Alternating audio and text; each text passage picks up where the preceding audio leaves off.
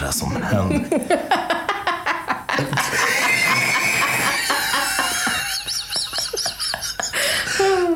Helt otroligt. Det är det som är så kul med vin, när det Ja. här händer.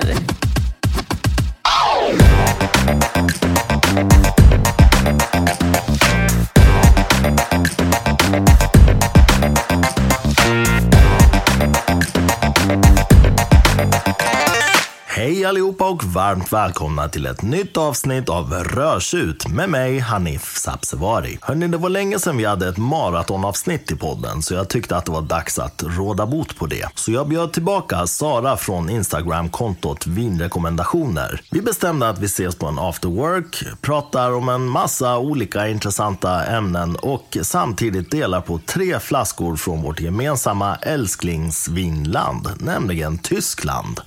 Och utan att dra ut på det mer kastar vi oss rakt in i det här härligt babbliga avsnittet och hoppas att ni vill hålla oss sällskap.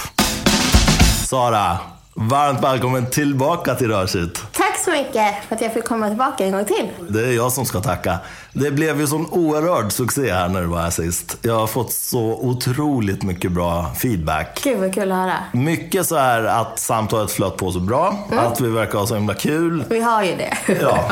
Plus att eh, väldigt många Nya Världen Pinot-fans där ute som var väldigt lättade och glada över att vi inte drog Pinot till Bourgogne. Som man kanske hade förväntat sig. Nu, nu kanske det kommer ett sånt avsnitt också givetvis. Det får du göra själv. Ja, nej men jag menar bara så här att vi är ju inte fientligt inställda till Bourgogne, långt ifrån. Vi älskar Bourgogne. Men eh, just det där att jag tror att många tyckte det var så skönt att första Pinot-avsnittet i Rörset blev just Nya Världen. och inte någonting annat. Ja. Men du, idag, idag ska vi göra ännu mer roligt. För att det, är, det här är ju inte tänkt att vara kanske det nördigaste avsnittet där vi grottar ner oss i, jordmån och pH-värden och hur man beskär vinrankor. Utan det, vi tänkte att du är i krokarna, vi dricker ett par flaskor och eh, eller ett par flaskor, ett par glas kanske. flaskorna, Nej. Nej. Nej. Och, och bara har ett, eh, ja men bara snackar om olika saker. Ja, ett samtal. Ja, ett samtal om eh, olika grejer. Eh, Vi har ju mycket att prata om. Mm. Det första vinet vi ska testa då, det är ett eh, vitt vin, en Riesling från tillfälliga sortimentet som släpptes här för någon vecka sedan bara. Det har artikelnummer 92 815. Det är en Riesling som heter Eva Fricke, kanske uttalas på tyska. Kidrich Riesling Trocken. En eh, 2020 års eh, variant. Importören är Johan Lidby. 12,5% alkohol är det i den här. Det, det är ju en Riesling från Ranga. Som är ett distrikt i Tyskland. Det, det kanske vi ska säga också att vi tänkte att vi kanske behöver ha någon form av tema ändå. Ja, lite tema. Ja, så här lite löst ändå. Men vi, vi håller oss till ett land helt enkelt. Och, och nu när vi har eh, haft ett nya världen så tänkte vi att vi kanske eh, drar till gamla världen här idag. Men ändå Tyskland som är, eh, har inte hamnat lite i skymundan men är lite på G känner jag. Eller hur känner du? Oh, inte för mig. För mig har det aldrig varit i skymundan. Nej. Men också, ska man dricka Riesling så ska man, ska man vara i Tyskland. Eller det finns, det finns ju, man kan ju vara i Österrike eller Frankrike om man vill. Australien, så, New York till och med. Men eh, helst inte. Nej, jag håller med. Jag bara, jag bara tänker så här, Tyskland som vinland. Det känns ju inte som att, går, går man ut på stan och börjar fråga vad, vad dricker ni ens viner ifrån? Så kommer man nog få 99,9% Italien skulle jag gissa på. Tror du det? Ja, jag tror tyvärr det. Eller tyvärr, jag tror... Jag älskar Italien, men jag tror inte många procent kommer vara Tyskland. Om man frågar folk som är lite äldre än oss så skulle de säga Spanien. Skulle man fråga folk i vår ålder skulle de säga Frankrike. Men går man lite lägre ner så tror jag Italien är det som är deras... Jag, jag kan ha fel. Men, men jag vet Tyskland kanske inte är det första för... Nej, det är det jag menar. Det fick ett väldigt dåligt rykte där på 80-talet på de här blåa supersöta flaskorna. Ja. 80, ja, tidigt 90-tal. Tyvärr. Hur som helst så är det ändå kul att lyfta Tyskland lite som land. För att eh, du älskar Tyskland, jag älskar också Tyskland. Jag håller ju fullständigt med om att det är tysk Riesling man ska dricka. Men du, ska vi kolla lite vad vi har här? Eller ja, vita viner är inte jätteviktigt hur det ser ut om jag ska vara helt ärlig. Det, det är så här, man kan få reda på lite ålder sådär om det har mörknat lite och så. Men eh, det är ju inte som med rött vin känner jag eh, oftast när jag kollar på vitt vin. Det är inte liksom, jag får inte jättemycket, ja det är olika nyanser av gult Grönt. ja, och grönt. Och den här är väl ganska vitgul men lite så här, inte så klar vit liksom utan mer, Men väldigt ljus, drar honung. Den drar inte åt grön. Nej. Nej. Idag har vi samma glas också. För första gången. Då kanske det blir lite lättare. Ja, idag fick du också Orrefors Difference eh. Crisp. Värsta lyxen. VIP, ja. Ja. Bra. Vi doftar lite då. Åh, underbart. Man vet ju vad man får med en Riesling. Det går ju nästan inte... Det är nästan det lättaste att blinda någon på eller med. Ja. För det är så otroligt typiskt. Ja. Sauvignon Blanc är ganska enkel också tycker Ja. jag. När, den- när den nya världen, när den inte är så här tillbakaåldern. Ja, men det är blommor och päron, det är gula äpplen. Det. Den har ju petroleumet också. ju. Definitivt. Ja. Men inte, inte först, den kommer ju sen. Den Ja. är rätt generös i doften. Liksom. Den är rätt fruktig och, och blommig. Och, Superfloral. ja. Gula plommon, typ. Ananas. Alltså det, den, är, Definitivt. den är lite tropisk. Persika, Ja, nektariner, Ja, allt, allt, Allt liksom. det där. Skolbok liksom. Ja, du sörplar. Jag säger skål och sen så kör vi.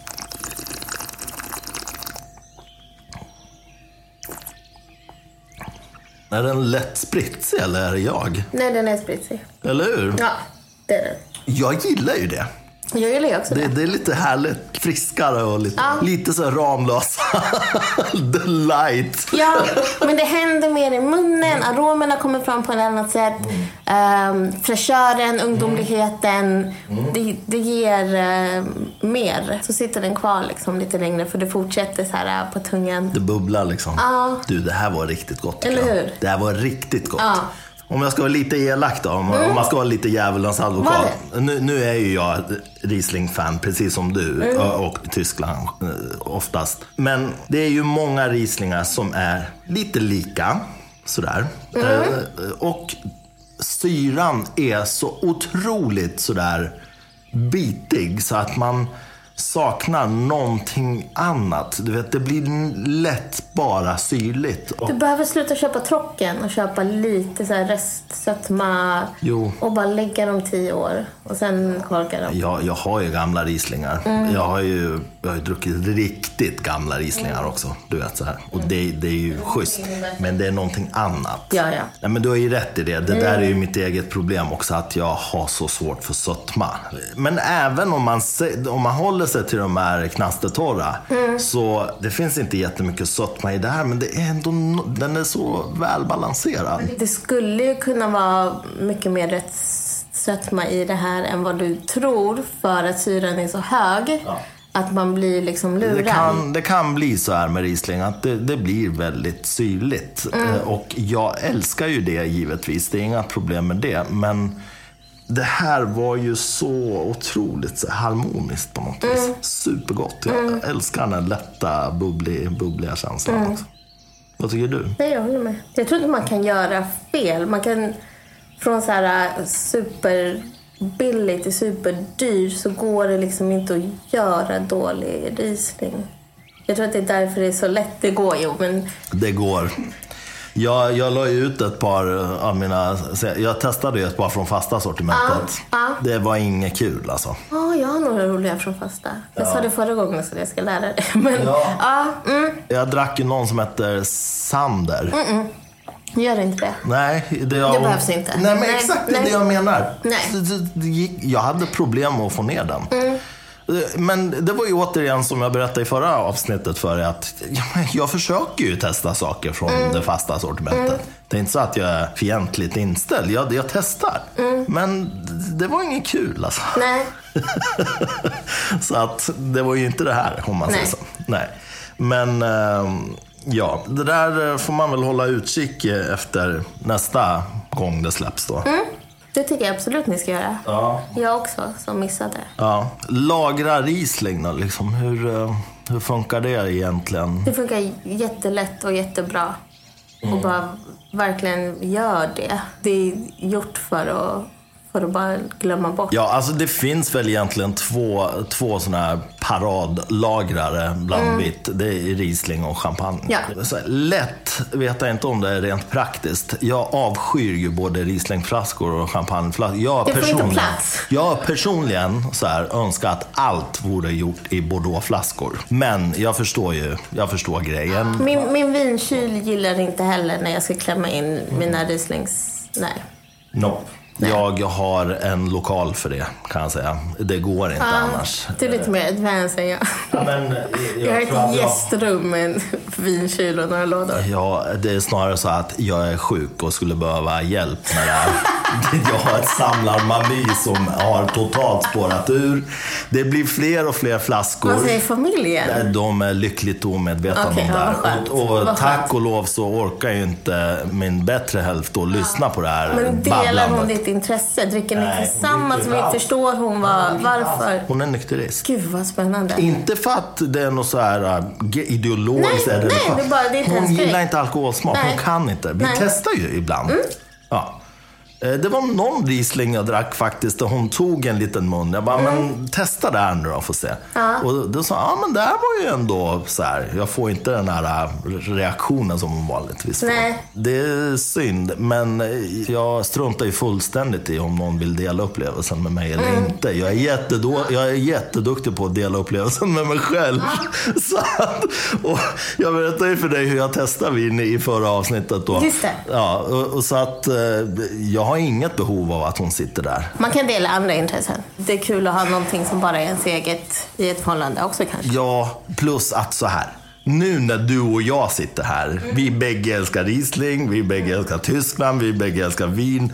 Vi delar den här upplevelsen. Då är det ju fantastiskt givetvis att få dela det med någon som har det här intresset. Men det finns ju ingen anledning att försöka tvinga på. Det är som om jag skulle, jag, menar, jag älskar ju teater. Finns det något värre än att tvinga med någon på Dramaten som inte gillar teater? Det blir jättetråkigt för vet, de alla. blir ju aggressiva efter tio minuter. Så, eh, eller vad som helst. Gå på trav. Jag menar, försök få med mig på trav. Kommer inte gå. Liksom. Nej. Men eh, vad jag menar är ju att eh, det har ju fullständigt spårat ur. Nu kommer det ju också jättemycket Riesling varje vecka på tillfälle. ja. Och det är ju inte bra då, då eh, på ett sätt. För, för plånboken eller? Alltså plånboken, den stackaren, han är ju konstant lidande så han är ju van liksom. Jag tänker mer för, för plats, alltså utrymmet, vad man ska göra av de här grejerna. Jag har ju lagringsskåp hemma och de tar ju liksom ändå 400 flaskor per skåp ungefär. Eh, De är ju fulla liksom. Och sen har jag ju garderob. Alltså det finns inte en garderob som du öppnar när du vet, det hänger bara på en skör tråd. Var, har du dina kläder någonstans? Någonstans. På golvet? Bilen. i tvättkorg? I bilen? På väg till kemtvätten eller hem? Det är hopplöst. Ja, Alltså, din sambo måste vara så himla snäll och tålmodig. ja, men alltså, hon är så, så supportive också. Du vet. Alltså, hon bara stöttar min alkoholism fullt ut.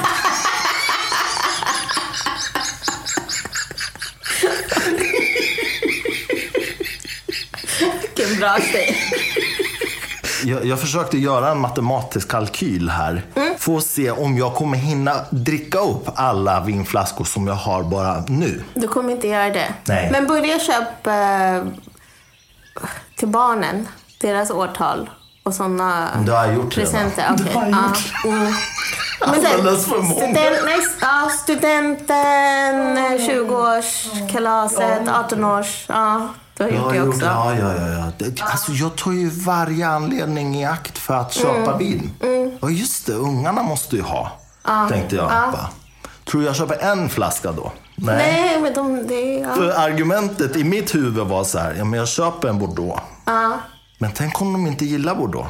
Då måste jag ju gardera Åh, mig. nej. Nej, det är De hopplöst. kommer inte gilla någonting. De kommer vara 18. De kommer säga pappa kan du köpa en uh, Smirnoff Ice till mig istället? Jag, jag ska berätta det här. Att mina barn är sju och fyra nu. Mm. De är redan inkörda på det här. För att de, Du har de, börjat tidigt. Ja, ja, inte att ge dem vin, men jag låter dem, jag låter dem dofta. Mm. Jag berättar om områdena för dem, var det ligger, pekar på kartan väldigt så pedagogiskt. Jag gör liksom en grej av det. Att, ja, här kommer de här, jag, kan, jag går in och visar bilder och du vet förklarar hur, alltså det här med vinrankor, hur Mm. vindruvor växer. Så när jag sitter och snurrar ibland på glaset och de är i närheten, Mm. då kommer de direkt bara, "Åh, åh, får, vi, får vi dofta, säger de. Är det för din skull för att du vill att de ska förstå ditt engagemang eller för att du vill ge någonting vidare? En så här, någon hälsosam relation till eh, alkohol och vin i framtiden? Det är allt, det är allt det där. Blandat liksom, både och. Det är allt. Jag vill att de ska förknippa alkoholen med ett mer sofistikerat och eh, historiskt, geografiskt relaterat fenomen som är väldigt intressant, som berättar en historia, som ju vin Och gör. njutning istället för Och rus. njutning istället för att de växer upp, har noll relation till det här. Deras kompisar börjar supa loss kanske, kanske, jag vet inte. Men eh, att de hamnar i det där och du vet, att det blir fel, att de får fel relation.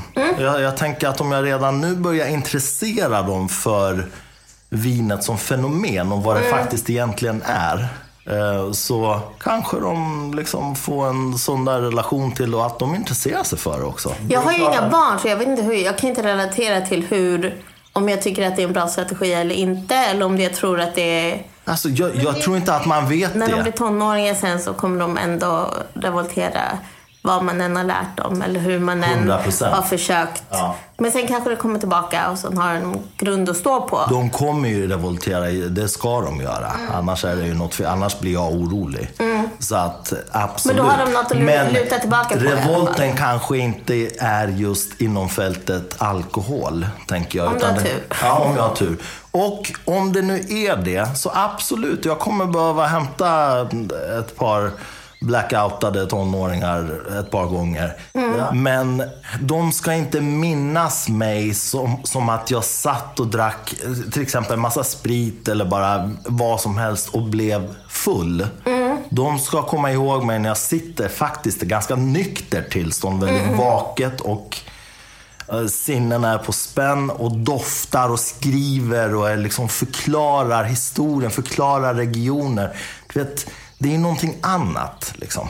Det är mer som en historielektion egentligen och vinet är en del av det än att jag sitter utslagen i soffan och, och dricker egentligen vad som helst. Liksom. Ja, ja. Och blir full. Så det är väl kanske det viktigaste för mig. Att de inte minns mig och alkohol som en destruktiv sak utan att det, vin är historia. Det låter som en bra filosofi på pappret. Sen vet man ju aldrig vad det kommer leda till förlängningen. Men eh, det låter ju nyttigare än, än, en, än ett helrör en fredagkväll Ja. på soffan framför. Man vet ju aldrig för att jag, jag tror inte det går att ha en, en... Det finns inget facit på det här hur man ska göra. Man får göra det man tror är bra och rätt. Och sen vet man ju inte, ungarna växer upp, man kan inte ens förutspå hur de kommer förändras när de blir äldre heller.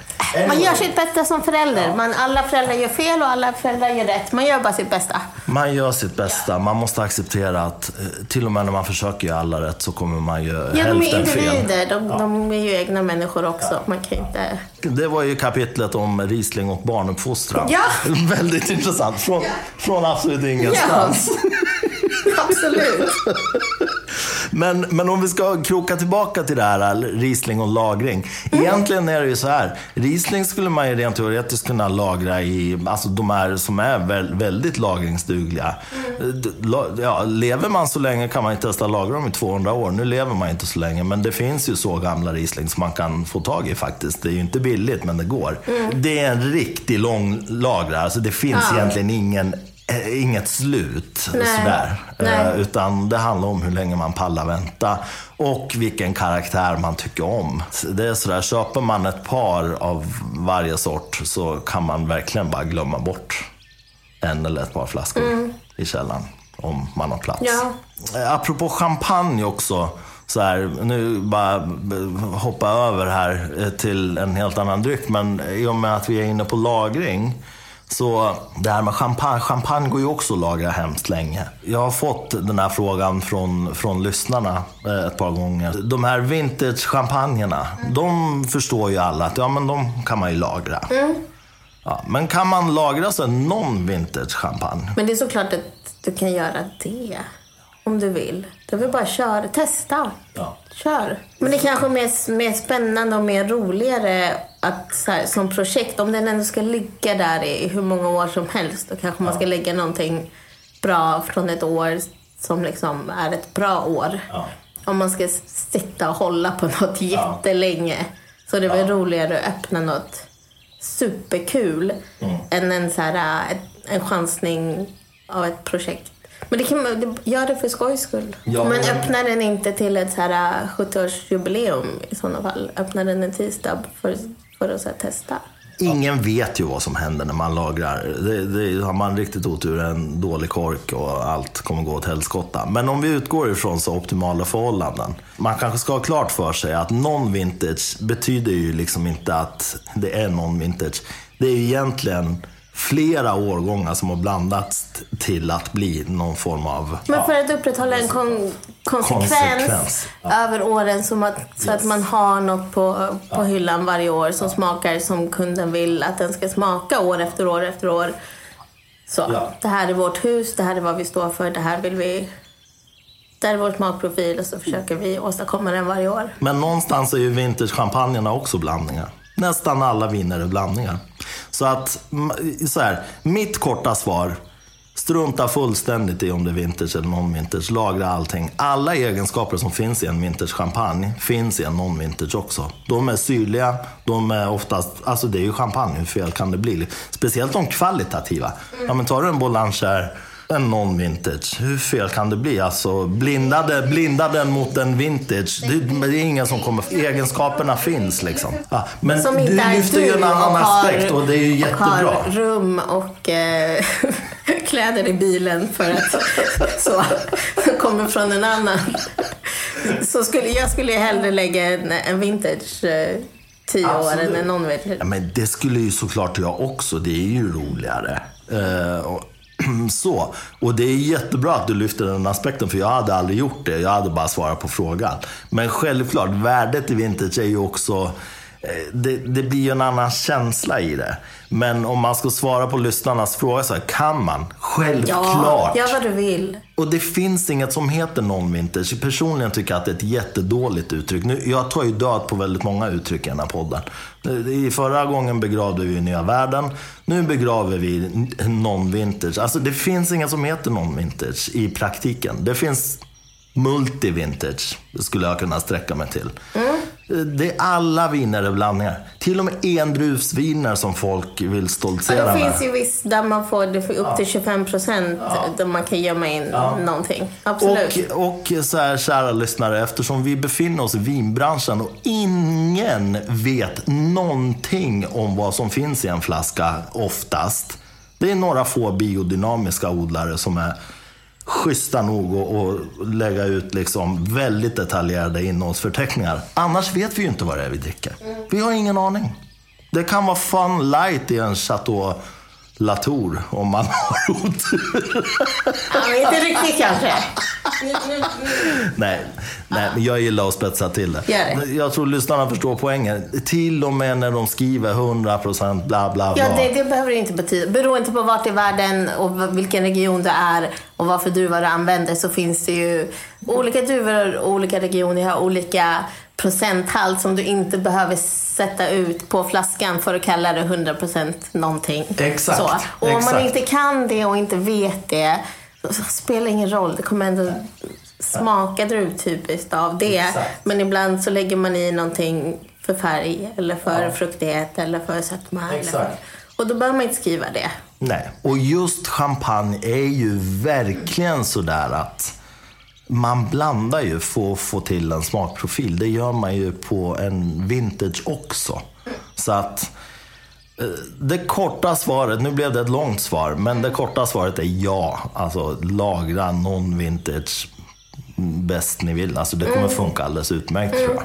Det är inga problem. Speciellt om det är från ett av de här kvalitativa husen. Så det var svar på den eh, lyssnarfrågan som vi klämde in här. Känner du dig nöjd med det här vinet eller känner du att du vill, eh, ska vi hoppa vidare tycker du? Vi kan eller? hoppa vidare. Då, då nöjer vi oss med det här vinet för nu. Så går vi vidare. Men innan vi gör det, alltså, du måste ju berätta. Det här är ju så otroligt intressant tycker jag. För att eh, vi pratade ju senast om eh, mina resor där till eh, Gran Canaria och Rhodos. Och, ja, du fick ju för att jag bara drog i mig vilken flaska jag än kom, kom över. Ja, det var jätteroligt. Ja, det var jätteroligt eh, och jag förstår att det måste ha sett väldigt illa ut. Men, eh, Nej, det såg inte illa ut. Det var, bara så här intressant. Ja. Bra ord. men, men någonstans så här, du gjorde ju nästan en liknande grej här. Jag gjorde exakt samma sak, Ja. ska vara ärlig. Fast värre. Ja, alltså jag har ju medlidande med dig för jag förstod ju varför det blev som det blev eftersom jag själv har varit i den situationen. Men jag, du bräckte mig ju tiofaldigt i land för att det här landet är ju inte det första, inte ens de 300 första länderna man tänker på om man tänker på vin. Men kanske felaktigt. Men förstår du hur mycket vin som produceras där? Ja, men berätta, för landet är ju Marocko. Marocko. Ja. och man tänker ju inte alls att Marocko är ett vinproducerande land, men det är ju det. Typ runt Meknes produceras det väl mest vin i landet. Ganska mycket. Det är en gammal fransk koloni, så det bor ju väldigt mycket fransmän där. Så de flesta marockanska vingårdarna är ju franska-ägda. Det märks inte riktigt på produktionen att de... De försöker! De försöker i alla fall. Ja. Nej, men det, och det tycker jag är väldigt hedersamt och det, det tycker jag att de ska fortsätta med för att eh, det, man, någonstans måste man börja. Ge det tio år. Marocko kanske är the next big thing. Det finns berg, det finns möjlighet att svalodla. Precis. Och det finns gott om sol också. Man har ju förutsättningar. Något som kan vara problematiskt är ju bevattningen, för det är ju väldigt torrt. Torrt. Ja, Ja, det är öken. Ja, det är öken. Men i bergen finns, där finns det ju vatten. Atlas runt där är jätte... Exakt. Hur som helst, jag menar, kollade man på ditt, Instagram så fick man ju lite den här, alltså jag, jag kände ju bara medlidande för jag tänkte så här, okej nu är hon i Marocko, hon är ju extremt sugen på vin. Ja, vilket jag också Jag skulle ha hade varit. också hängt med min släkt alldeles för, så, Ja. för mycket. Ja, men alltså oavsett orsak så man, man, man blir ju vinsugen eh, hur som helst. Liksom. Det blir man ju. När det rycker i den nerven, det, då måste man ju åtgärda det. Du börjar ju jaga rätt på lite flaskor. Ja, du var ju inte jätteimponerad. Men det känns så dumt också för jag har, jag har ju på riktigt druckit riktigt bra marockanskt vin. Men inte i Marocko. Det är på så här restauranger i Amsterdam Minns du vad det var för någonting? Nej, det är ju det. Det är, det är ju så länge sedan att jag var liksom inte så intresserad av så här producenten eller druvan eller hur har det här gått till? Vart växer det? Eller vad är det som jag dricker? Det finns inte mycket, men det finns faktiskt bra vin. Så jag vill inte bara vara superelak. Nej, vi är ju inte elaka. Det finns ju till och med på bolaget, i beställningssortimentet, finns det ett marockanskt vin. Jaha. Sirocco heter den. Den är helt okej. Ja. Eh, och det är ett instegsvin. De har en, eh, de gör en till, Tandem. Men den, den, den finns nog inte i BS. Nej. Men den, det är ju samma producent men lite bättre liksom. Ja. ja, du har rätt. Jag flikar in här. Jag slog upp det medan du... Förlåt att jag avbryter. Men Sirocco Syrah då finns. Eh, och Det, just nu är det 2018. Eh, Artikelnummer 71231 kostar 149 kronor. Det måste man ju testa. Du måste testa. Det är ju ingenting. Det är ju som gratis. Nej, och det, nej, det går absolut att dricka. Och, men till mat liksom. Ja, ja. Laga någon köttgryta med lite spiskummin så är du hemma liksom. Men gärna kanske något marockanskt. Ja, jag brukar köra, om jag ska bjuda någon på marockansk mat då brukar jag beställa en sån. Bara för att det är kul. Det är inte det godaste, men det är, det är, ganska, det är, det är inte dåligt. Jag vill inte säga att det är skitbra, det vill jag inte. Det kommer jag inte kunna stå för. Nej. Men det är absolut drick, drickvärt och drickbart. Ja, ja för det, det var ju så här, du la ju upp bilder och ma- så här, maten, man satt ju bara och dreglade. Liksom. Men det är ju så brutalt god mat. Jag älskar ju marockanskt också. Eh, Det var ju vid något tillfälle du hittade något ställe där om jag inte minns fel. Och, och sen var det ju att de hade sina finare viner där bak liksom i någonstans som man skulle få. Du, du köpte ju med dig något sånt också, men det blev inte så mycket bättre det heller, eller? Så här var det. Jag var på... Det är svårt att hitta. Man kan inte bara gå runt och hitta liksom en affär på gatan. Man måste googla och så måste man ta reda på vart. Eller så måste man så här, äh, hålla ögonen öppna efter så här, fulla alkisar som sitter utanför en diskret kiosk. Så vet man att så här, okej, här kan jag gå in. Här finns det öl för en spänn och sen någonting annat om man vill. Och sen så finns det franska vinshops som bara är liksom turistiga och, för, och det är svindyrt och så jävla överprisat att man blir så här, äh, "Gud, jag vill inte ens men jag måste för jag har bara druckit den här skiten. Ja. Låt mig köpa den här fula silvanen som egentligen skulle vara 150 spänn. Det var så, det var dyrt liksom med svenska pengar mot Ja, det var det. Så här onödigt dyrt liksom. Ja.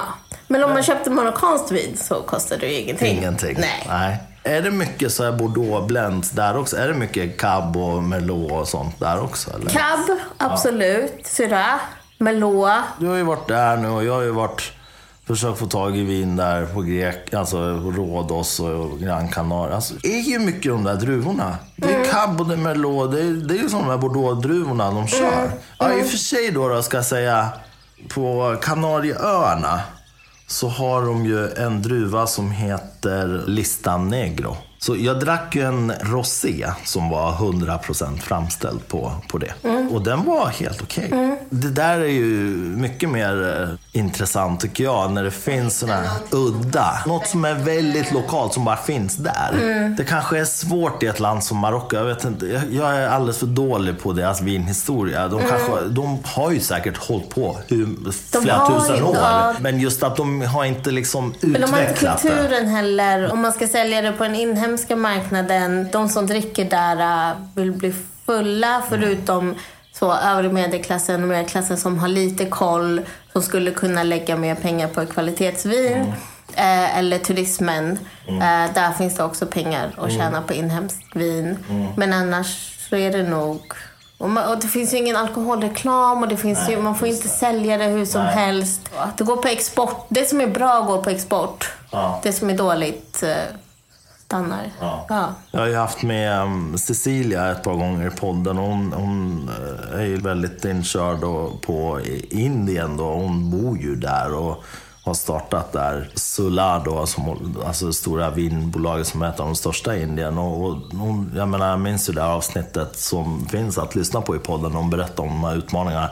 Det är ganska många liknande liknande paralleller här. Där är det ju Jag var också i problem Indien med en reklam. gång och då drack vi också inhemsk vin och det var ju det roligaste jag varit med om i hela mitt liv. Ja. Vi skrattar fortfarande åt det idag. Ja. Vi köpte så här hummer och inhemsk champagne Ja, just det. och, och bara så här... Ja, Spännande.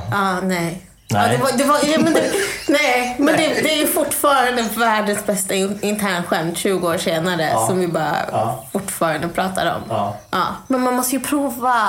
Ju... Men, men bara få så här säga, alltså eh, Sulla då, när jag testat både i podden och har testat flera gånger efteråt. Bra grejer alltså. Men, men säkert. Men, men det, vad jag menar är att där har du ju också en kraft. Dels är ju en av huvudaktörerna i bolaget är ju liksom indier som är utbildade utomlands, har åter- återvänt om jag inte minns helt fel. Eh, Och sen har du ju personer som Cecilia som är sommelier, en, eller sommelier, eh, enormt kunnig och eh, det är ju folk som har koll. Men är också genuint intresserade av att förändra den inhemska marknaden och attityden gentemot vin. Att Absolut, det behöver inte vara svindyrt, men alltså att ge folket kvalitet ändå. Ja. Och något sånt kanske också skulle behövas i ett land som Marocko. Jag vet inte. Ja. Att någon ändå från Marocko som har koll ändå försöker inifrån förändra. Istället för att det kommer en tjusig fransos eller någon amerikan och du vet bara stövlar in. Ja, men Men sånt kan ju bli fel liksom.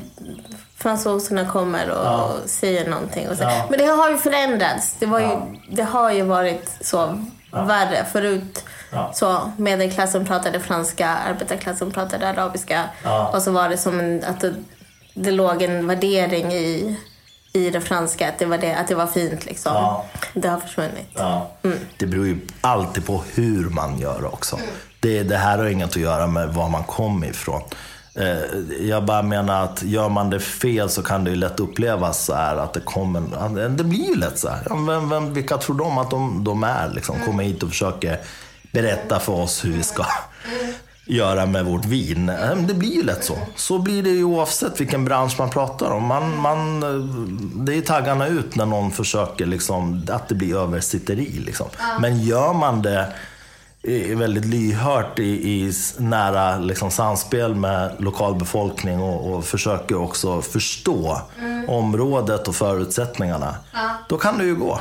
Ja, ja. ja. Ja, spännande. Väldigt eh, kul grej tycker jag där när du var i Marocko. Och eh, var väldigt viktigt att få in det här så att Jag hade lyssnarna, väldigt lyssnarna roligt får själv. höra om dina bravader. Det var väldigt spännande. Ja. För mig också. Ja, kul. Vi hoppar över till nästa vin. Gärna. Vi fortsätter på det tyska temat. Men nu blir det rött. Ja. Då blir det ytterligare en rackare från tillfälliga sortimentet. Vi är ju bägge stora fans av tillfälligt sortiment. Ja, tyvärr. Ja, för vår plånbok tyvärr då. Ja, men också för att man, det blir stressigt alltid. Ja, det blir Ja. det. Jag ställer ju klocka. Jag ställer klocka varje vecka. Är man inte inne 10.00 då, då kan en hel del ha gått på fem minuter. Ja. Det är så illa det kan vara. Liksom. Men eh, den här eh, hann jag få ett par stycken av faktiskt. Och det här är artikel nummer 93 541 och den heter Wörle, W-Ö-H-R-L-E. Larer Bestes Fass Spätburgunder. Det är en 2019 års upplaga. Kostar 229 kronor. Med en alkoholhalt på 13 procent. Ska vi dofta lite? Enklaste druvan att blinda som sagt. Nu sa vi ju det om Riesling också, men Pinot är ju så lätt att blinda. Den är inte superbombastisk i doften. Liksom. Nu kanske den, den behöver lite luft här. Det är en fantastisk doft. Den, den har ju allting som en... Men jag tycker det är gott eller, när det är så här grönt och stjälkigt och ungt Mm. ändå. Just eh, tysk pinot. Det, De flesta kvalitativa nya världen Pinoter tjänar på en 4-5 år i alla fall. Ehm, inte så mycket mer alla gånger. Men ja. Jag skickade ju, by the way, eh, jag pratade om det här att jag hade lagt en jättestor beställning på äldre nya världen Pinoter. Gud, den där bilden. Ja, jag, jag skickade, ja, det var ju flera. Jag fick inte plats på en bild tre bara. Ja. bilder av pinot. Eh, Jag har ju hunnit igenom ett par stycken här. Väldigt intressant upplevelse kan jag säga. Inte alls jättelångt ifrån eh, Bourgogne när de har legat ett tag hittills. De blir rätt eleganta. Den här explosiviteten försvinner lite grann. Men det är inte så, så att man stör sig på det. Det är fortfarande väldigt gott. Ja. Men det är ju inte det här. Det är inte det här som du precis sa. Och som jag också älskar med, med Nya Världen Pinot. Att de ska vara så här. Men det är ändå intressant. Nu, nu har jag bara hunnit kanske testa tre, fyra flaskor. Så jag ska inte göra någon princip av vad som händer. Eh, jag behöver dricka ett par till. Men eh, hittills är det så i alla fall. Mm. Och det här i färgen, ja. Genomskinligt. Ja, det är genomskinligt djuprött med, med blå, lila, lite blå-lila eh, toner. Det är ju för att det är så ungt liksom. Ja, ska vi smaka? Mm. Skål. Mm. Vad tror du om det här då? Mm, jag skulle nog säga låt den ligga några år. Told you. Ja, Ja, det var, det var, det var väldigt ungt. det, är ju, det är ju totalt knutet nu skulle jag säga. Det finns ju nästan ingen frukt i det här just nu. Det, jag får bara så här väldigt mycket mineralisk karaktär och eh, Dammig grusväg. Ja, väldigt mycket så här Skälk. skälk och, och kärna liksom. Rätt. Mm. Men jag gillar att du serverade den ganska sval faktiskt. Det passade. Ja. Det, det måste man göra. alla som inte gör det får böter. Eh, tro mig, jag, jag ser er. Big brother, jag är vinets big brother. Har en liten hemlig kamera i alla hem och tittar på vem som serverar eh, ljumsk varm pinot liksom. Nej, nej, men det, det är ju så. S- Som du ser, så jag plockar ju direkt ur eh, kylen och serverar. Det, det finns inget annat Men det skulle jag nog nästan också göra med Ja. den här typen av... Ja, eh, ex- ja exakt. Såklart inte på alla viner, men just den här stilen måste ju vara välkyld. Eh, Väldigt knutet. Så- jag kände faktiskt direkt på doften att det här behöver ligga ett par år. Ja. Men vi gör så här då, vi låter den stå en stund. Så, så ska vi eh, prata om en eh, liten kul eh, sak då tycker jag för podden. Så nu vill jag ha lite din feedback. Ja. Jag tänker att jag eh, framöver, inom ett par dagar eller något sånt från att vi spelar in det här, ska gå över till en mycket mer eh, teknisk beskrivning av vinerna som jag lägger ut på mina sociala medier. I ditt flöde på... Ja. Okej. Det här eh, har naturligt växt fram av det enkla skälet att jag har ju varit lite rädd så här för att nörda ner mig i för mycket liksom, detaljer och bli för specifik. Men eh, visar sig ju att väldigt många av mina lyssnare gillar det där. De har inga problem och det, det är snarare så här att när jag har lite ursäktat mig så får jag lite så här mail om att ja, men, sluta ursäkta. Det är ju det där man vill höra. Du, om, om det är det som du står för och som du ändå, som är dig och som du ändå, om det är dina ord och dina tankar kring det och du är den här nörden och du vill använda den här vokabulären och att det, dina följare följer dig för att de vet att du, det är din grej, då är det kör liksom. Alltså var dig själv. Ja. Du behöver ju inte vara, någon, vara någonting annat för att någon annan vill se någonting annat av dig. Så var den supernörd du är. Ja, tack. Eh, Verkligen. Jag håller ju med dig. Och de är ju rätt specifika nu också sådär. För jag kan inte förstå hur det, den är ju väldigt uppstyrd idag och den är Ja. ju väldigt här... Ja, den kommer att vara ännu mer så. Jag menar, jag tror att det blir lättare. Den dagen ni hör mig säga volatil, vad heter det? Ja. Eller typ så här reduktiv. Eller Ja. om ni ser någonting sånt på min kort, Ja. smäll mig på käften. Jag försöker bara hålla mig ifrån. Alltså så Ja. tvärtom det du beskriver nu Ja. är bara allting som jag kämpar emot och på något sätt överhuvudtaget. Eh, och jag tror att det behövs både och. Ja. Och jag tror att du ska göra, Ja. göra din grej. Och för dig så är det exakt det steget du Ja. ska ta. Jag, jag vill aldrig någonsin prata över huvudet på någon. Jag vill att alla ska förstå. Jag vill att det ska vara så himla tillgängligt för, för alla. Jag vill inte att någon ska vara rädd för vin. Jag vill inte att någon ska tro att det är liksom en, en liten snobbig liten så grupp. Men jag älskar den grejen också. Och jag gillar den. Eh, men jag vill inte vara en del av den. Jag vill bara ta del av den själv.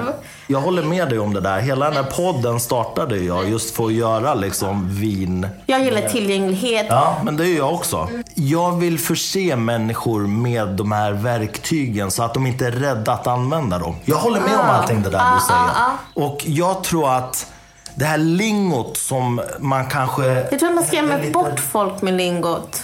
Jag tror inte det. Tror inte det? Nej, för att jag, jag, hela podden som jag har startat en gång i tiden startade just för att exakt det du säger.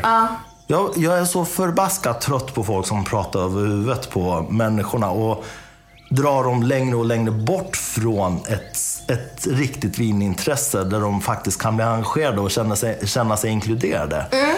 Men eh, någonstans är det också så här att mitt hjärta bultar väldigt mycket för den kemiska, specifika, liksom väldigt nördiga delen av, av vinet. För det är det vi har i glaset. Jag vill veta vad är det för någonting, var kommer det ifrån? Liksom. Och det är ju jättekul och jättespännande. Men i slutändan vill man ju på riktigt bara dricka gott vin till god mat. Ja, men det ena utesluter inte det Nej, andra. det gör det ju inte. Nej. Men det finns plats för båda. Ja, jag tänker också Ja, det. ja. Jag, jag ser ingen motsättning Nej. där. Utan jag tänker så här att jag har ändå varit relativt uppstyrd redan som det har varit. Det är inte så att det kommer bli oförståeligt. Nej. Det kan vara så här. Ja, istället för att jag skriver allting i en mening så kommer det vara mycket mer bara så här spaltat. Fyllighet lågt, eh, sträv, strävhet medel. Det blir lite mer uppspaltat.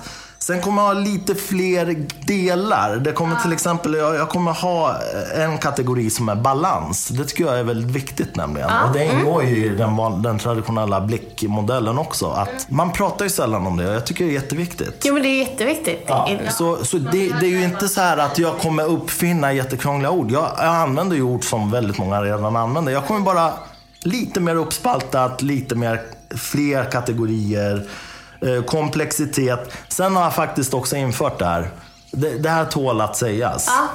Eh, och nu kommer jag liksom lite trampa på min egen tå här. Men det gör ingenting. Jag gör gärna det. Eh, för att jag är medveten om problemen då med min vinkonsumtion också. Att jag gärna dricker äldre och lite dyrare viner. Men för mig är ju prisvärdhet en väldigt viktig kategori.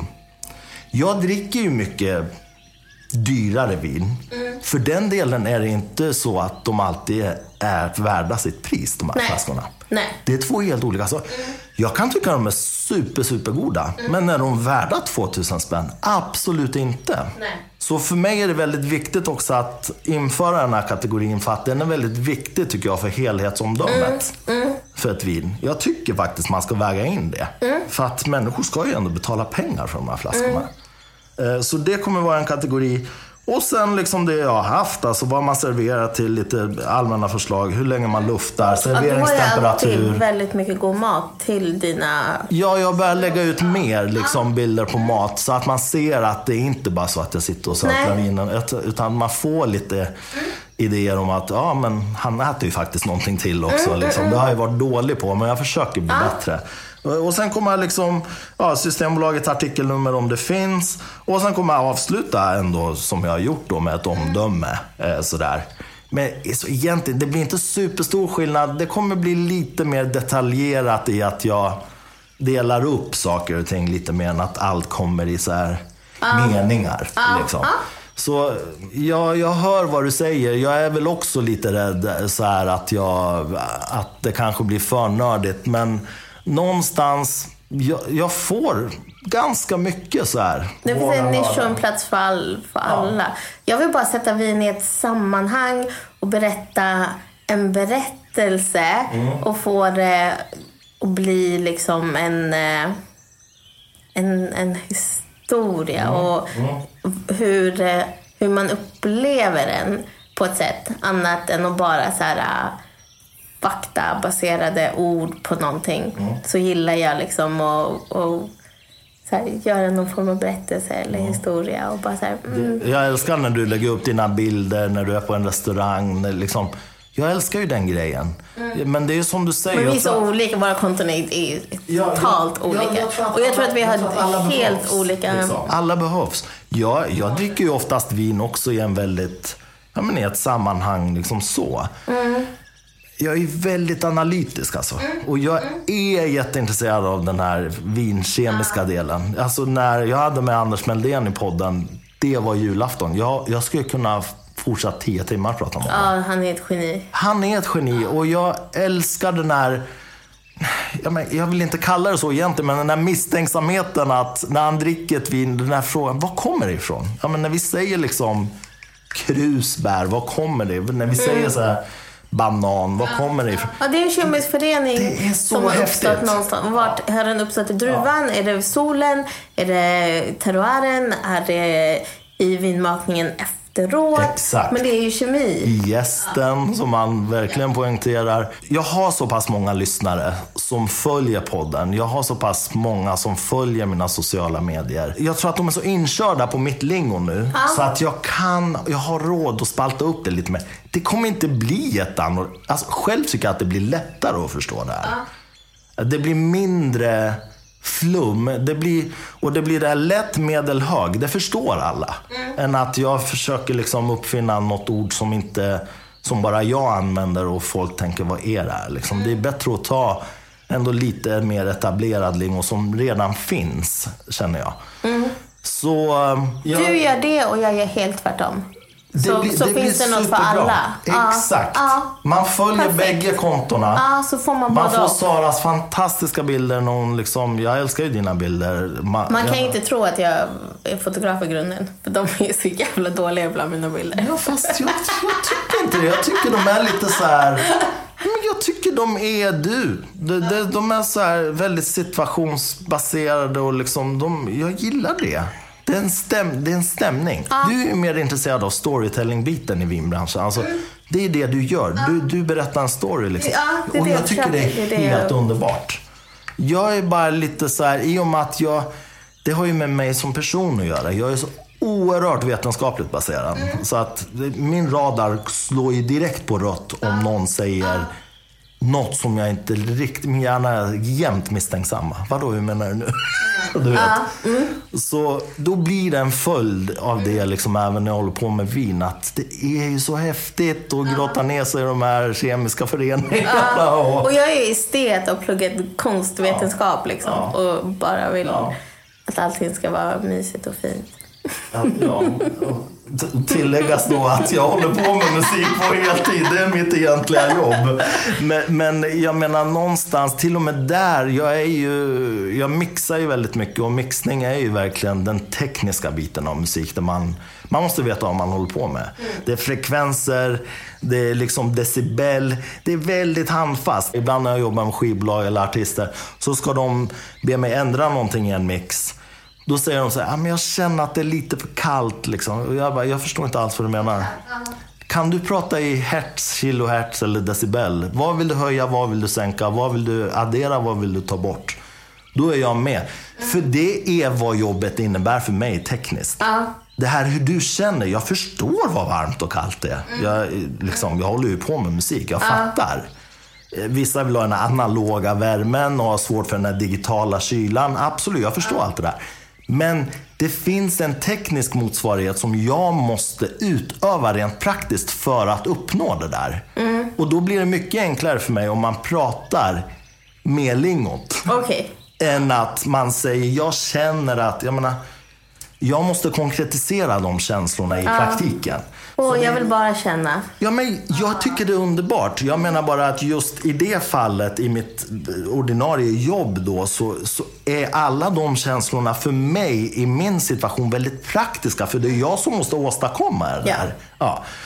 Och det här säger jag bara för att liksom förklara att jag är lite sån som person. Jag är väldigt liksom eh, kategorisk och så här vetenskapligt. Jag vill ha liksom så här da, da, da, da. Ja, och då tror jag att jag tror att den här nya mallen kommer kännas mycket mer ja. För hittills har jag känt att det är sloppy alltså. Har jag känt. Det är det ju inte. Men det ska bli roligt att se vad du... Vad, vad som händer. Ja, Vad, hur du... det tycker jag också. Ja, ja, nej, jag ska hålla utkik efter. Ja.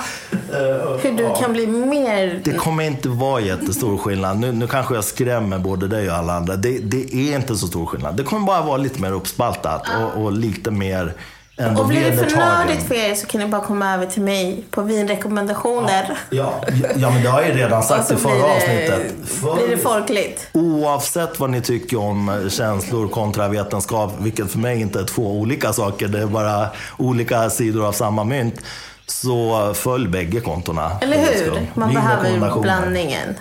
Absolut. Följ, följ alla olika. Följ vinmakare, följ vinjournalister, följ brett. Det är Men lägg så in fler intressant. tjejer i ert flöde. Leta upp fler tjejer. Det är så himla mycket snubbar. 100 procent. Ja. Eller DMa mig så kan jag skicka en lista på grymma tjejer som vet exakt vad de gör. Ja, absolut. Jag har bra koll på tjejerna. Det är bra. Ja, gör det. Eh, Maila Sara om det. Det är jätteviktigt. Jag försöker ju faktiskt få in Eh, fler kvinnliga gäster i podden. För jag är också, jag menar, vad ska jag göra? Jag är själv snubbe liksom. Jag försöker ju ta in fler kvinnliga gäster. För jag upplever ju också att det är väldigt gubbigt. Det kommer vara väldigt mycket kvinnliga gäster nu. Jag tycker det är superkul. Eh, och det är dags att vi får rätt sida på den här vågen. Ska vi kolla om någonting har hänt med det här vinet? Jag, jag tror tyvärr inte att det... Men helt ärligt. Jag, Jag, jag älskar din optimism. jag är på ärlig! Det, det, jag älskar det.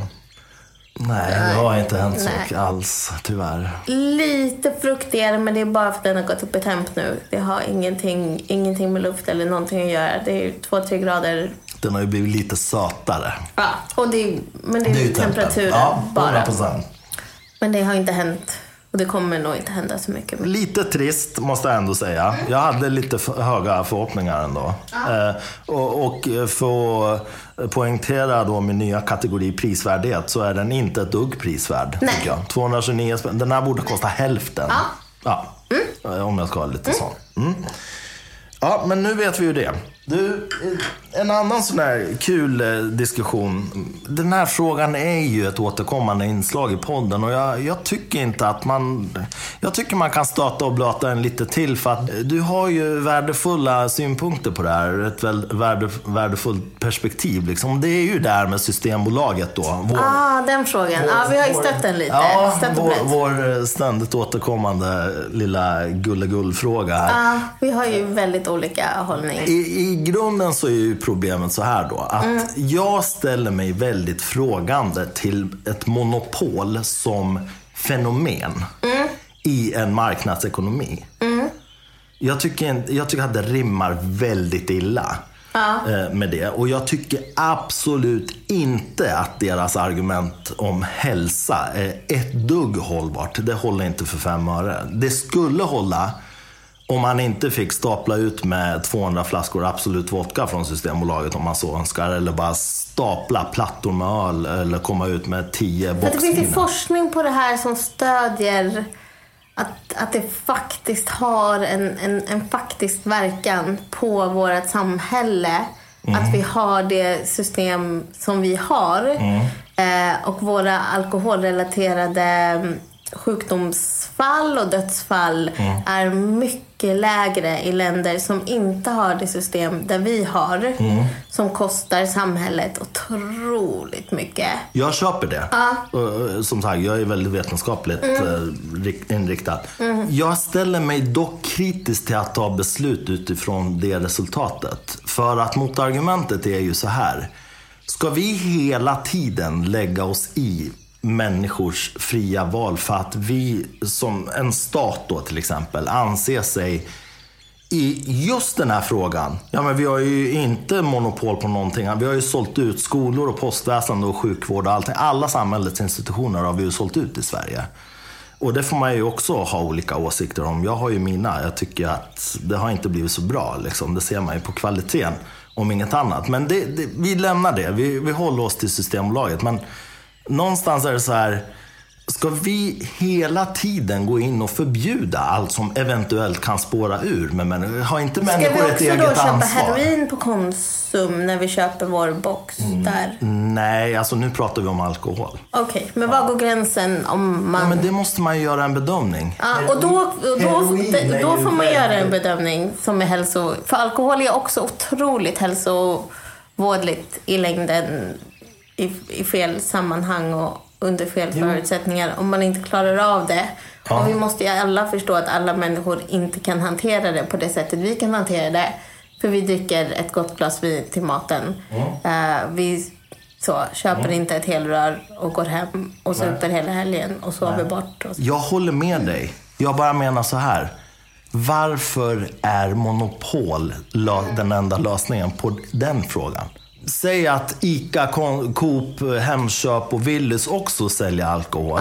Men det finns en begränsning. Men vill du köpa vin på Willys? Det är min fråga. Jag vet inte vad... Jag, jag, jag bara leker jag, med jag tanken. har ju köpt vin på Lidl i Tyskland. Ja. Och det vill man ju faktiskt inte göra. Det kostar en euro att stå bredvid kassan så här, vid tuggummina. Vill man det? Men jag har också köpt eh, vin på vanliga affärer i både USA och i Frankrike och det är svinbra.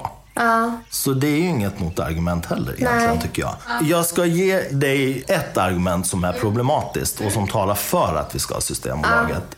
Faktiskt Trots att det också egentligen är galet tycker jag. Men nu har ju du berättat om din, dina upplevelser i Marocko. Ja. Jag, I tidigare avsnitt berättade jag om Rhodos och Gran Canaria. Det finns ju många fler sådana ställen.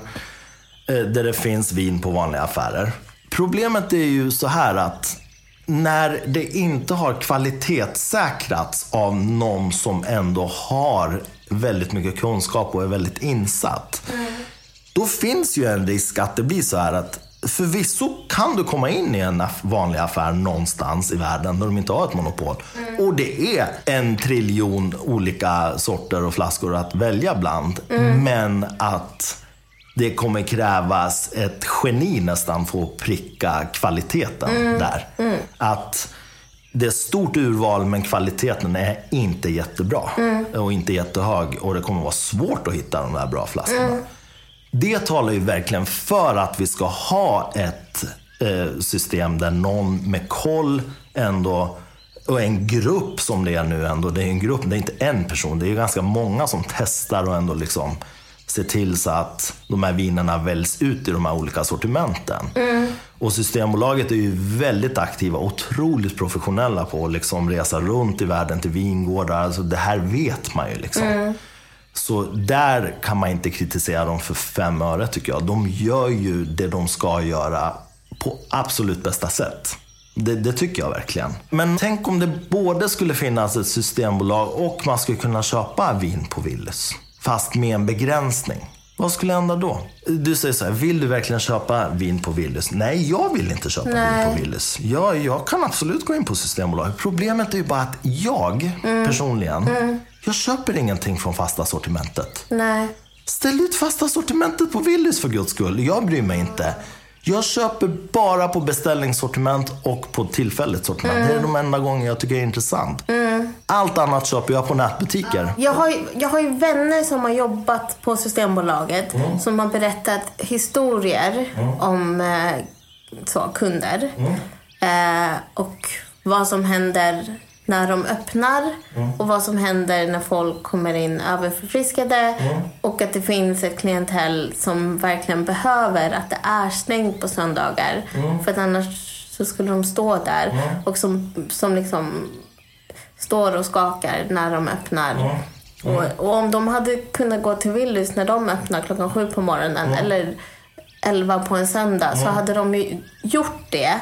Men det är väl jättebra kanske för vissa att de inte kan ställa sig där på en söndag och fortsätta. De får en dag i alla fall. Problemet är bara, ska en majoritet av människor som ändå inte har det här problemet anpassa sig efter sju, åtta personer som är Men det är väl grova? solidariskt och fint, eller? Ja, är det det egentligen? Jag menar, man, man ska alltså bortse ifrån att de allra flesta i vårt samhälle har ändå, de är inte alkoholister. De kan ändå lägga band på sig och dricka en måttfullt. Det är inte så att det står tusen pers utanför Systembolaget varje morgon. Och jag vill alltid bara så här, tänka på... Ut, utgå från så här, Den svagaste. Ja, men så när jag hejar på fotboll också och, jag, och det är inte mitt lag som spelar, då hejar jag alltid på den som ligger i underläge. Det är bara min utgångspunkt överlag. Eh, så jag försöker alltid att tänka på den. Även om det bara är en enda människa som inte klarar av det, så vill jag ju ändå så här, ta mitt ansvar som klarar av det och bara så här, nej men jag, jag vill inte att han eller hon ska Ja, alltså jag supa sig till döds. Och då kan jag jag, ta det. mitt ansvar för jag klarar av det. Ja. Och jag kan planera och så. För mig är det värt det. Ett liv jag- eller en, ett mindre barn som får stryk eller en mindre fru som får en smäll på käften. Ja, men jag håller med dig om det. Jag bara tänker så här, är det här det bästa sättet att göra det? I Sverige är vi extremt duktiga på att registrera människor. Mm, det börjar vi bli över hela världen. Ja, ja, men, ja, men vi är, ja, okej, i hela världen, absolut. Men jag menar, vi har ju koll på människor. Ja, om du nu ska gå på Willys, ja men inför att det går inte att handla utan det är ett Willys-kort eller vad det nu är. Där får, det, det är begränsat i mängden. Nej, vi kan inte börja registrera människor och Det är ju- de är hålla redan register på hur, hur mycket sprit du köper. Och, Och Varför när och var du Varför var här. inte? Nej, men det, Vill- ett sånt samhälle vill vi väl inte ha? Det blir ju så 1984, Fast det är ju verkligen- storebror, koll. Nej, men det vill Ja, vi fast väl inte ha? monopol hör ju verkligen till diktatur. Ja, men de jag. sitter ju inte och skriver upp vad du köper. Nej, ja, nej, nej, förvisso. Nej, alltså, det finns inga enkla svar på den här frågan. Jag, jag, är bara så här, jag tycker det är så värdefullt att ha dig här och prata om den här frågan. För att du ger, det är jättebra att du ger de här perspektiven. För att jag menar, även om vi kanske inte håller med om varandra så jag förstår ju dina argument. Jag, jag, någonstans jag godtar dem också. Jag håller ju med dig. Det är klart att vi inte vill att människor far illa. Det är klart att vi inte vill att barn eller kvinnor eller vem det nu är ska misshandlas hemma på grund av alkoholism. Det vill ju ingen. Såklart. Jag är bara så här, jag har väldigt svårt för den här principen i Sverige att så fort det är någonting som två pers inte kan hantera, då ska vi förbjuda det för hela befolkningen. Jag tycker att det blir problematiskt när man förbjuder baserat på en minoritet och på ett undantag. Liksom. Som princip. Om man vänder på det då. Det kan ju vara intressant. Om en majoritet beter sig på ett visst sätt och vi skulle förbjuda det. Fatta vilket, vilket ramaskri det skulle bli. Liksom. Jag skulle liksom gärna se att den här diskussionen förs lite mer aktivt utan så vassa armbågar. Jag tycker man ska respektera de olika ståndpunkterna. För att jag vill ändå tänka att bägge sidorna i den här frågan vill väl. De vill liksom, de vill inte att det ska gå illa för någon.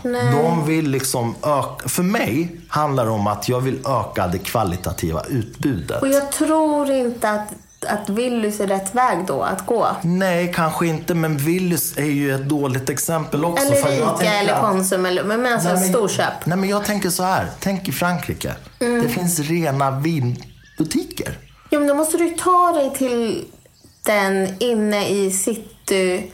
Och då blir det ju samma sak som du ska åka till PK-huset för att de har bäst sortiment. Jo.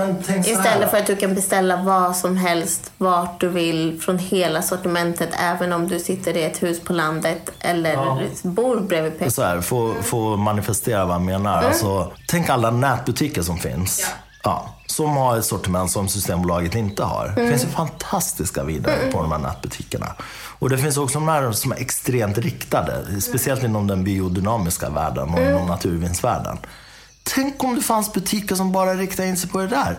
Istället för att jag beställer något vin från Danmark och måste sitta och vänta och så. Det kommer inte alltid till dörren. Ibland kör de grejerna till Uppsala och måste sitta och åka dit. Stan där jag bor, Enköping, är inte stort. tar inte lång tid att ta sig in till city. Det, det är ju ett Stockholmsproblem. De flesta städer i Sverige ser inte ut så här. Nej. Alltså Sverige är inte Stockholm. Nej. Tvärtom. Det mesta av Sverige är inte Nej, Stockholm. gud. Så att jag, menar, jag tänker bara att det skulle skapa liksom en mycket mer boutiquekänsla i Mm. vinvärlden om det fysiskt fanns Men affärer tror som du inte riktade att in de sig. här butikerna då som du pratade om skulle hamna majoriteten i Stockholms innerstad? Skulle du öppna tre vinbutiker i Enköping där du skulle kunna välja? Nej, men en kanske. Tror du det? Ja. Mm. För att det finns när det gäller allt annat. Ost, marmelad som håller på med polkagrisar, lakrits. Att man, att man på något sätt så här, någon liten butik där man kanske i Skåne där man också producerar vin. Mm. Att de vill sälja sitt eget vin i deras egen, eh, på deras egen vingård. Liksom. Mm. Ja. Och då, då är det en annan diskussion som, Ja, absolut. som känns lite mer legitim då. Att Ja. kanske det steget är ett mer naturligt steg. Men då har vi ändå tagit ett steg från monopolet som gör att det blir lättare sen att släppa helt. Få förtydliga. Jag vill ha kvar Systembolagets kvalitetssäkring och kvalitativa urval. Jag tycker de gör ett fantastiskt jobb. Det, det kan jag inte nog betona. Det tycker jag. Det är min ärliga åsikt. Jag har inga problem med det här. Men jag tror att du skulle få det någon annans ifrån. Ja, det är det jag är tveksam till. Ja, men var, varför skulle det inte kunna vara så? Det, vi blir ju bättre och bättre på vin i Sverige. Eller, jag skulle säga det är en ganska bred rörelse globalt som blir mer, in, som är mycket kunnigare idag än vad de var för bara Ja. 10-15 år sedan. Så liksom varför skulle det inte kunna vara så här? Jättesvår fråga, men du har ju jättevärdefullt perspektiv på det här tycker jag. Och jag har jättestor respekt för det. Och jag tycker du för den sidan av argumenten väldigt bra. Och jag hör dig. Jag håller ju med dig också som sagt. Jag bara tycker att det finns inte ett självklart svar. Och Jag, jag tror inte att man kan säga med säkerhet att det kommer gå åt pipan om Nej. inte Systembolaget Men jag tror att det är fler i den här världen och den här cirkeln som vi rör oss i som håller med dig än som håller med mig. Tror du det? Ja, jag, tr- jag tror att det är, jag tror det. Jag tror att jag är li- lite minoritet och Mm. lite ensam. Men jag kommer alltid vilja vara det. Och jag kommer alltid vara, vara kvar där. Men det, det tycker jag är jättevärdefullt. Och jag tycker att du ska vara det. För det handlar inte bara om vin. Nej, men som vi, vi dricker ju vin, men i Sverige dricker man ju traditionsenligt sprit. Ja. Och, och vi, har inte den, vi har inte den kollen. Vi, vi, köper inte sprit. Nej. Eller jag gör inte Nej, det. inte jag och jag köper inte öl, jag köper inte flak. Jag köper, så. Jag köper kvalitetsviner eller viner. Ja, men, och du. Ja. Så vi har inte... Nej. Vi har inte den inblicken i... Sverige är, är ett land och har alltid varit. Jag bara, jag bara menar så här. Kan man, kan man uppfinna elbilar och, och, och självkörande elbilar och skicka folk till månen och, och robotar till Mars och se galaxer långt bort. Då måste vi ju kunna komma på hur vi kan på ett eh, sunt vis eh, utvidga valmöjligheterna och utbudet av, av eh, alkoholhaltiga drycker i Sverige. Utan att ha ett monopol mitt i den här marknadsekonomin som jag inte får ihop som koncept. Nej, och sen så, så att jag sitter med ett Stockholmsperspektiv och du sitter med ett Enköpingsperspektiv gör ju också att det blir den sker. För för mig, jag har ju ett utbud som du inte har. Jag har tillgång på ett helt annat sätt än vad du har. Ja. Så för mig så blir det en icke-fråga. Men jag kan, ja, Nog, nog för att jag jobbar ju väldigt mycket i Stockholm och, och, och så, men jag är ju också, jag är uppvuxen i Dalarna. Jag är uppvuxen i en, i en liten stad. Det är väldigt tydligt för mig att politik i Sverige är väldigt Stockholmsbaserat, tyvärr.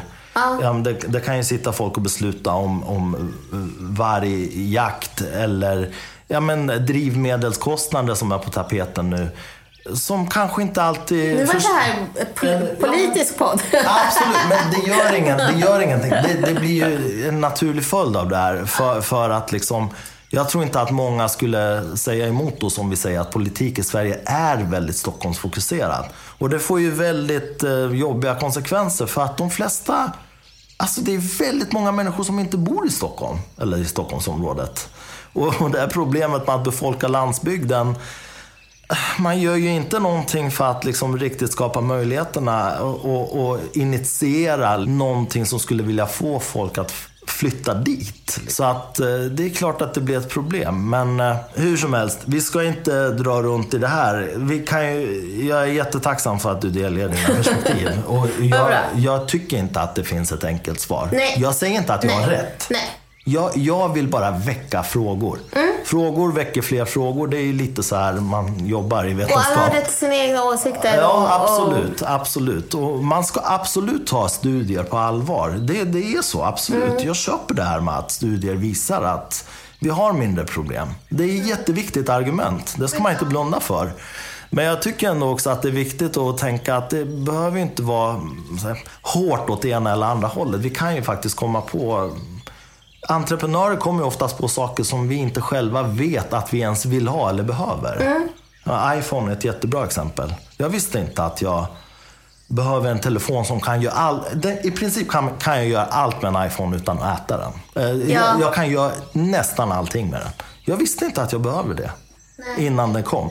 Så vad jag menar är att det Gud vad gamla vi är. För min lilla syster skulle ju inte veta att hon inte behövde den. För hon har inte haft ett alternativ. Nej, exakt, exakt. Men jag menar, jag menar bara att det finns entreprenörer och folk som kan komma på lösningar som gör att alla de problem du tar upp säkert skulle kunna hanteras på ett vettigt sätt också. Och att mitt problem också skulle kunna tillgodoses. Mm, säkert. Som en slutknorr på hela den här systembolagsdiskussionen Ja. vill jag också bara så här. Jag tycker också det är viktigt, förutom den enorma kvalitetssäkringen som de sysslar med, att betona hur otroligt duktig personal de har.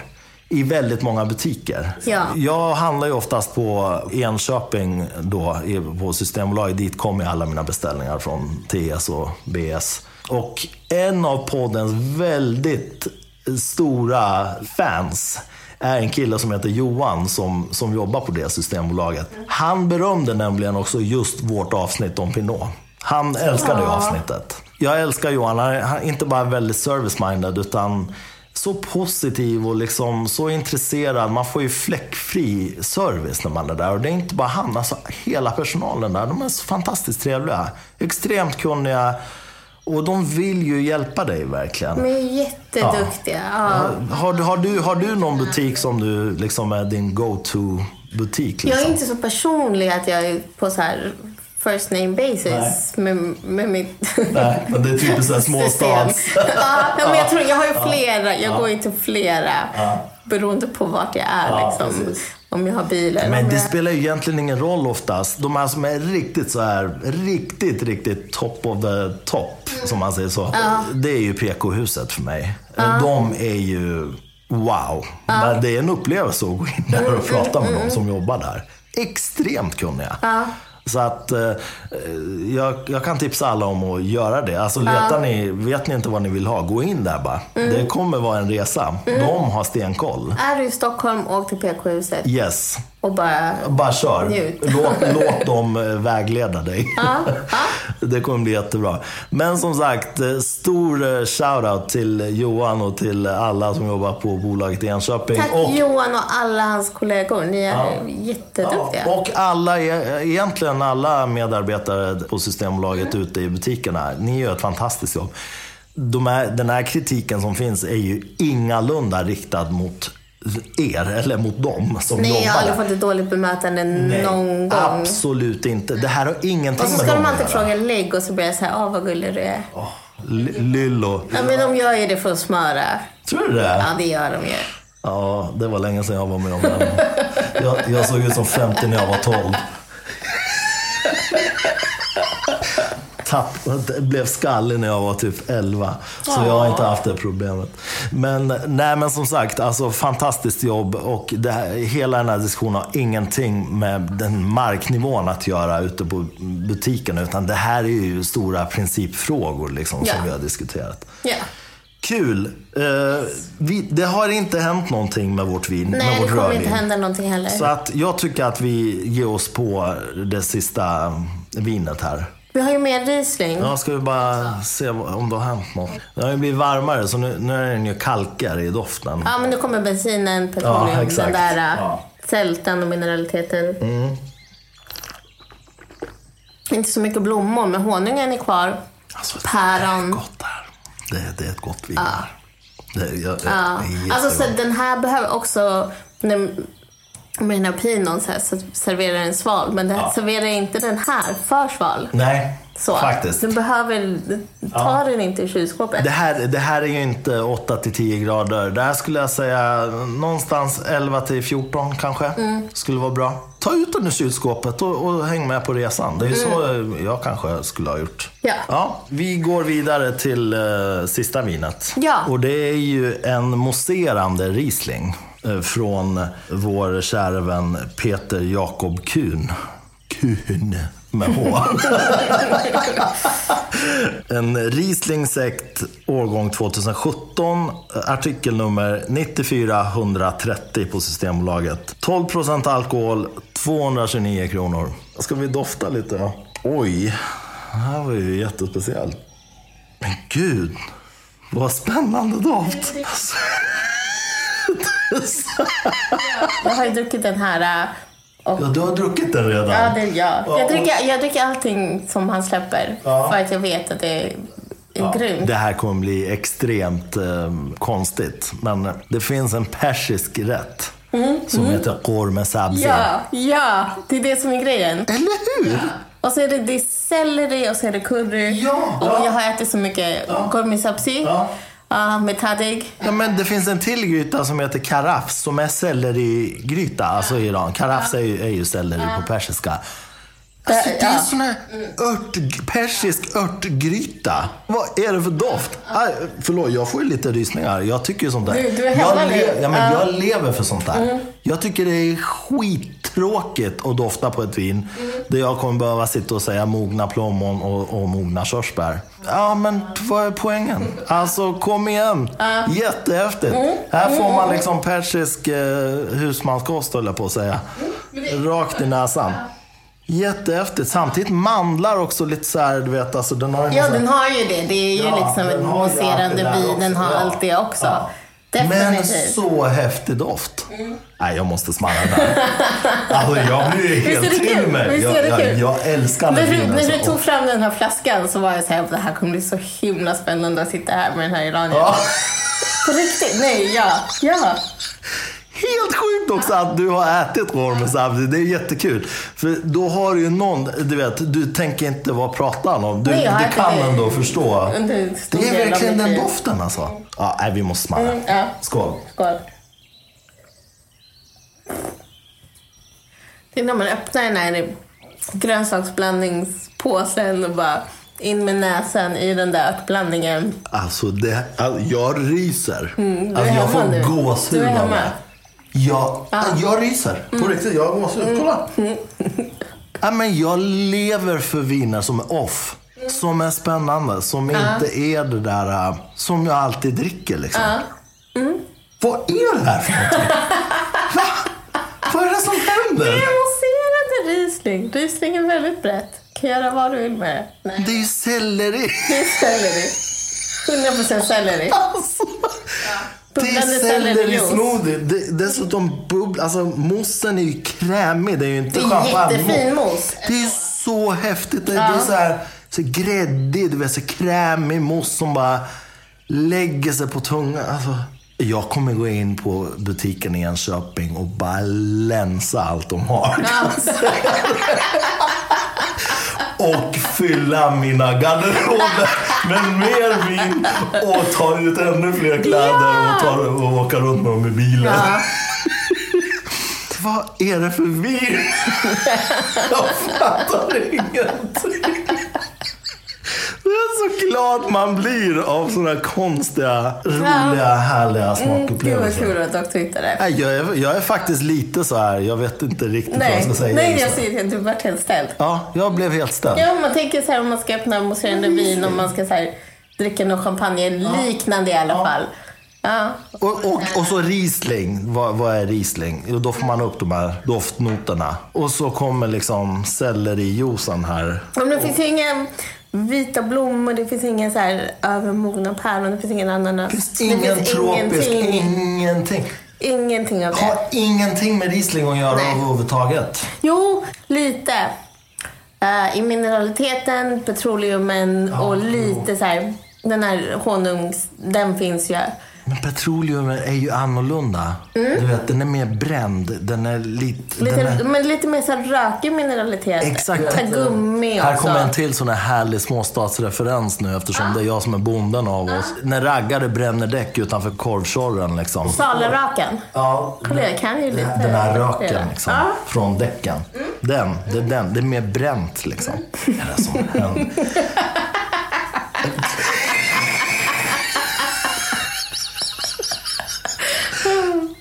Helt otroligt. Det är det som är så kul med vin, när det Ja. här händer. Ja. Och att jag visste, så jag bara hoppas att så här, äh, Du, du bara, jag- hoppas han ja, inte nej, jag bara, spårar så, ur. Nej, men jag bara satt och så här myste och bara, oh, jag vet exakt, men jag vet inte om han kommer... Gillar det. Det är nog gästen som skapar många av de här dofterna om jag nu ska dra till med någonting. För man känner i eftersmaken också att det är ju gästen som är Alltså här kommer en till sån här sjuk persisk Ja. grej. Det finns en väldigt speciell persisk eh, motsvarighet till tamarind som heter karkurut. Det är helt omöjligt att uttala för icke-persianer, höll jag på att säga, icke-iranier. Eh, Det, det är liksom en grej som inte ens många iranier tycker om där. Nej. Ja, men det är något så gästig, syd... Jag vill ha den här äh, aubergine-grejen med kärsk. Den vill jag ha till ja, det här. Men, så här mald torkad yoghurt, karsk. Ja. Ja. Cash? Förlåt, Kärsk. Nej, Förlåt men- att jag butchade. Nej, alltså, vem, Persiska. det är inte Ja. lätt för dig att veta. Gay med badem jun heter det. Badem jun är ju Ja, ja, ja, ja. aubergine. Ja. Eh, Och så har man kärski. Det finns så här torkade yoghurtbollar. Lebne typ. De är hårda, du vet. Aha, en hårdare. De är hårda. De är stenhårda. De har torkat och ja. Så man tar dem, det är yoghurt liksom från början. Och, och sen när de torkat med bollar, man löser upp dem i vatten. Och sen liksom värmer man upp det och så blandar man det med lite olja oftast. Och vissa har i lite vitlök och sånt där också. Det beror ju på var i Iran man är liksom. Och så ringlar man det över. Det är sån super så här, umami grej och bara toppa på allting som är så här. äh, varför, ja, varför, varför äter man inte det här över hela världen? Nej, jag vill bara så här, köpa det på burk. Ja, ja men alltså iranska barn, när jag var liten, jag tog ju de här bollarna och satt och bara tuggade som snacks. Det är ju kanske inte för alla, men eh, Jo, men jag tror det. Jag, Det är Det är gott. väldigt, ja det är jättegott. det här gjorde ju hela min dag här kan jag säga. Väldigt speciellt. Peter Jakob Kuhn fortsätter att leverera Nej, men det förstklassiga har jag upplevelser. alltid. Och i Sverige tack vare Briggs och Jörgen och Fredrik kan vi bara så här Hatten av tacka Jörgen och Fredrik och Briggs för allt. Verkligen. Det är Jättebra att du verkligen lyfter en det här. importör som och bara litar på och bara tar rygg på. Ja. För det slår aldrig fel. Jag måste nog börja lyfta fram importörerna mer. Jättebra att du gör det. För det, de har ju en extremt viktig roll. Utan dem så skulle vi liksom inte få in inte få det här. På, Nej. nej. det behövs ju. Ja. Jag vet vilket jobb det tar för att övertyga ändå också eh, vårt kära systembolag om att grejerna ska in i vissa sortiment då. Så att eh, verkligen hatten av. Bra jobbat. För jag köper ju allt från dem. Jag bara blundar och kör. Vitt, rött, mousserande. Det, vilken färg du vill, vilken form du vill. Ja. Ja, nej, jag har aldrig blivit besviken. Det blir inte fel. Nej. Fantastiska viner. Jätteduktig vinmakare. Ja. Och så ung så att det bara, alltså är som potential bara så här. Kanske därför. Han vågar. Eh, En fråga. Ja. Hur doftar du på vin? Hur ser det ut? Vad gör du? Jag tittar först. Sen doftar jag jättefort utan att snurra. Så snurrar jag skitmycket. Mm. Och så doftar jag precis när det är så här, super Mm. nysnurrat och bara är överallt. Det. Eh, och sen så låter jag det lugna ner sig lite, så doftar jag igen. Och sen så första intrycket och sen så försöker jag liksom så här vara kort och snabb och låta mig så här det första jag känner är liksom. Men sen när jag fått ett första intryck så kan jag fortsätta så här dofta och så. Men jag vill, jag vill ha det här första tsch, Mm, smällen liksom. Ja. Ja. Men, men eh, en näsborre eller bägge? Eller har du någon ah, favoritnäsborre? nej, båda. Båda? Mm. Alltid. Ja, det är ju inte så för alla då. Det kan vara så att en näsborre är bättre. Mina är väldigt eh, Jämnbra. jämnbra. Jag håller med dig. Men min vänstra är lite bättre faktiskt. Jag får lite mer i den. Jag har ju två vänner i alla fall som jag brukar dricka vin med. Ja. De är alltså så här. De, de vinklar huvudet. Det en näsborre är avsevärt mycket bättre. Jag provar ju vin i, alltså väldigt ofta i sällskap i andra och då kan man inte sitta, man måste bete sig. Bete sig. Nej men alltså om jag skulle, jag, jag provar, det är alltid väldigt mycket folk runt omkring när jag provar vin. Ja. Kan du inte dofta med en näsborre? Hemma skiter jag i. Ja. Men jag försöker att typ så här, så att det inte ser otrevligt ut för andra. Jag Nej, slutar alltså- så här surpla, eller sånt gör jag hemma. Jaha. kan jag göra. Men jag försöker träna bort så här fula manér. Nej, för mig finns inga fula manér. Nära glasväggen och så vinkla glaset så att man är nära. Det finns ju lite olika teorier om det här. Jag har dragit dem i något avsnitt kanske tidigare. Men eh, dels så här näsborrarna, de kan vara olika. Jag är ju som du, bägge mina näsborrar är lika bra. Så att om jag kör med en, den vänstra är väl lite bättre kanske. Men det blir fortfarande så om jag bara vinklar, då försvinner mycket doft där. Så jag måste köra med bägge två. Jag har aldrig ens tänkt tanken att folk, men det finns ju sneda näsväggar och det är såklart men att alltså, man det här är byggd man. olika. Ja, Bara alltså. för att jag aldrig har behövt ens tänka en tanke. Nej men alltså det finns masters of wine som, som kör mer med en.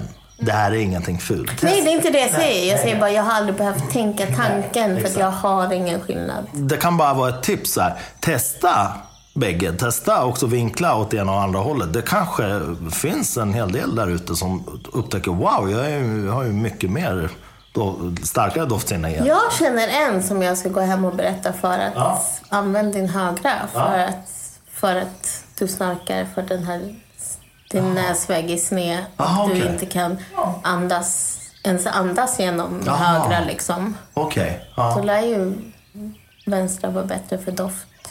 Men det kanske inte hänger ihop överhuvudtaget. Man vet inte. Jag bara säger så här, testa. Sen finns det ju en annan teori om vad du, du tittar ju snett ner till vänster, säger jag när du doftar. Det finns teorier om allt det här. Ja. Det finns ju till exempel en teori som är så här. Om du tittar ner och så, börjar du, och så höjer du blicken och tittar upp mot taket samtidigt som du doftar. Okej. Gör det, testa vad som händer. Ja, men det känns bara jättekonstigt. Jag har min grej, jag gör min grej. Absolut. Men det finns ju en teori som säger att när du tittar rakt upp så försvinner alla dofter. Men det att du vinklar upp näsan också. Nej, nej, behåll den. Bara ögonen. Du, du behöver inte ens du behöver inte göra hu- vinkla huvudet. Börja först med att titta ner som du gör. Mm. Och sen så börjar du vinkla upp ögonen. Se vad som händer. Uppåt mot taket liksom. De säger inte att det här stämmer på alla. Nej. På mig stämmer det jättebra. Vad roligt. Och det är inte för att jag har bestämt mig för att det är så. Jag har testat det här många gånger. Jag får mest doft när jag tittar snett ner i själva vinet. Sen finns det ju de här som blundar till exempel. kan man ju också göra.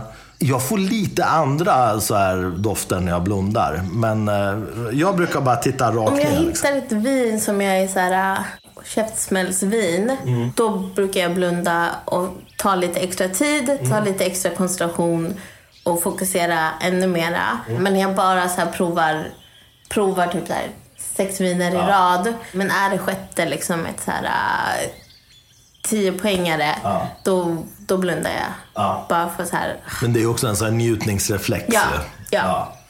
Men det har ingenting med så här, min upplevelse. Nej, exakt. Nu menar jag liksom verkligen så här doftningsrutin. Mm. Så, ja. Nej, men det är spännande.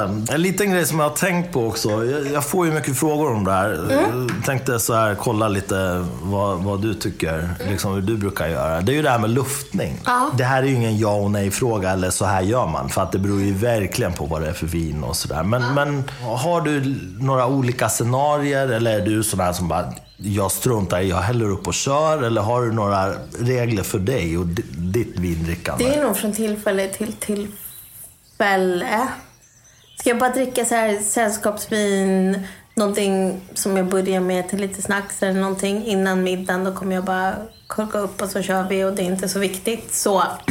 Men har jag lagat någonting och köpt ett vin till det som jag vill ska nå sin fulla potential så absolut att jag häller upp det liksom på en karaff innan. Men det är mer, om man ska dricka något som man vill att folk ska så uppskatta, då vill man så visa vinets 100% vad det kan ge, om man det bästa liksom. Men absolut, alltså en liten karaff hjälper ju jättemycket, de flesta viner liksom. Ja. Om det inte är en så amerikansk jättegammal napacap som bara dör om man, efter 30 minuter. Och det kan man ju inte ens förutspå. Man vet Nej, man vet inte. Jag frågar för att jag har ju haft liksom väldigt så manuallika avsnitt om så, här, så luftar du, så gör du. Men Mm. det kommer ändå mycket frågor. Jag tror att det kanske beror på att det hoppar in nya lyssnare och de kanske inte alltid har gått tillbaka och lyssnat på alla avsnitt. Och det är fullt förståeligt, behöver man inte alls Jag göra. luftar om jag har tid och jag har förberett och jag har så här, bjuder på middag och jag har planerat och jag har valt vin, mat efter vin och det kommer folk och jag... eh, Ja, då luftar jag liksom. Jag förstår. I och med att det här, den här frågan bygger också på många lyssnarfrågor så är det därför så här, jag, jag försöker ändå väva in de här lyssnarfrågorna i, i programmen. Till att börja med, alltså dekantera och lufta är ju två helt olika saker. Då. Så och där, där säger jag till lyssnarna då som lyssnar, du vet ju det här. Eh, så att dekantera, det är ju egentligen då Den för, det första steget man gör det är ju att man ställer upp vinflaskan som man misstänker har en fällning. Och det här gäller ju oftast viner som är ja, men fem år och äldre. Speciellt äldre viner, alltså vi pratar om man dricker mycket gammal bordeaux och sånt där, har nästan alltid fällningar. Eh, Och ibland fastnar de till och med i korken när man drar upp korken och sådär. Så jag, där brukar jag göra så här att jag ställer upp dem minst ett dygn innan. Det kanske är länge, men jag vill gärna vara säker när jag öppnar en fin bordeauxflaska att all fällning verkligen har satt sig där. Eh, Och just bordeauxflaskor är ju fantastiska för de har ju liksom upphöjda axlar så att fällningen när man börjar hälla upp i karaffen och ska dekantera fastnar där. Dekanterar du över ett så ljus och typ så här, Exakt. tar din tid? Nej, nej, alltså inte över ett ljus, men i, i vårt kök har väldigt bra vita starka lampor på ett ställe. Så jag, Du jag har ser ett ställe perfekt. där du ser igenom. Ja, Ja, jag för ser det är perfekt. viktigt. Det är jätteviktigt. Så det gäller ju att stoppa i tid. Men man ser också i vinet som man häller, så fort det bara blir grumligt, bara sluta. För då kommer fällningen. Ja, ja, Eh, Det ska vara klart. Våga lämna kvar i Våga flaskan. lämna. Och vissa flaskor, det är ganska mycket man får slänga. Det gör inget. Det där- Släng inte, lägg det, lägg det, lägg det i grytan. Ja, exakt. Det är inte hela världen, men det, det har en viss oskön beska speciellt. Som man, vill inte ha det där i glaset. Nej, det blir otrevligt på ett sätt. Alltså munkänslan bara. Det, smak, det inte, har ju inte med smaken att göra. Det har ju legat samma. Men det blir otrevlig munkänsla. Plus att när man ska bedöma färgen så blir det också så här, det simmar omkring Ja, det är liksom, små grodor i glaset. Inte jättekul. Nej men så att, eh, ja, och det är lite knivig, knivigare med bourgogneflaskor för de har ju nedsänkta axlar. De har ju inga axlar överhuvudtaget. Där måste man hälla väldigt försiktigt. Eh, Och våga stoppa i tid då. Och vinkla och hälla sakta och ha tålamod. Yes, det får inte gå fort. Det klunkar ju lite sådär eh, av naturen då för att flaskan är full när man börjar hälla. Men klunka inte. Det ska gärna inte klunka ner i karaffen då. Utan det ska liksom komma lite, liten liksom jämn ström med vin. Jättesvårt att förklara, men jag, ni ja, kanske förstår vad jag menar. Men så att dekantera, det gör man för att särskilja fällningen från vätskan som man vill ha i glaset sen. Det är vad dekantering är för mig. Sen då när den här vätskan är i karaffen, då brukar jag göra så att jag sköljer ur flaskan. Nu ska jag faktiskt erkänna en sak också. Jag har faktiskt, inser jag med erfarenheten och eh, med åren som har gått nu av vinkonsumtion. Jag har nog ibland faktiskt överluftat vin. Ja, jag tror att det är lätt att göra med äldre viner. Man tänker att de behöver mer luft. Men det är... Nej, men, jag- men överlag, med, med nya viner också. Jag har överlag överluftat vin. Eh, inser jag nu. Jag har ju en del kompisar som är riktiga så här Barolo-fanatiker. De kan ju lufta en Barolo ibland i så här tio dagar. Bara. De dricker lite varje dag. Bara. Dag ett, dag två, dag tre. Du vet, och de så här, Men då är det väl mer experimentnivå, Experiment. att det är en inlärningsgrej liksom. Men dag tre skulle jag ju säga kanske för räcker. Dag Helt ärligt. tio vill man ju bara ta reda på någonting. Vill man, då vill man ju, gör man ju det för att lära sig någonting. Man vill veta om man vill ersätta balsamvinägen med Barolo. Nej, nej men det, jag tror man är medveten om. Kanske. Det finns de här som, speciellt med yngre Barolo. Ja. De eh, liksom luftar dem flera dagar.